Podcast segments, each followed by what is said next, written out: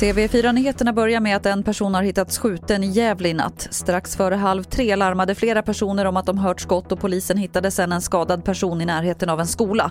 De vill inte säga något om varken kön eller ålder på offret och inte heller om hur allvarliga skador det handlar om. Ingen är gripen.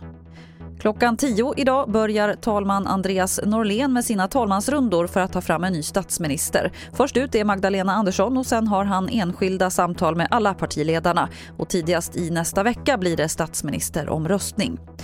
Och det är ju mycket som lutar åt att Magdalena Andersson blir Sveriges nästa statsminister men det krävs stöd från Vänsterpartiet. Och flera inom partiet som TV4 Nyheterna pratat med säger att V kommer att vara stenhårda. Riksdagsledamot Rosanna Dinamarca det är så här som Vänsterpartiet borde ha agerat redan vid, efter valet 2018 och efter januariöverenskommelsen. Eh, då hade man ett momentum. Det har man nu också. Jag hoppas att man inte slarvar bort det. Ja, en halv miljon människor har röstat på Vänsterpartiet och naturligtvis vill vi ha någonting för detta. Och sist här Elisabeth Bramfelt från Vänsterpartiet i Pajala. Fler nyheter det hittar du på tv4.se. Jag heter Lotta Wall.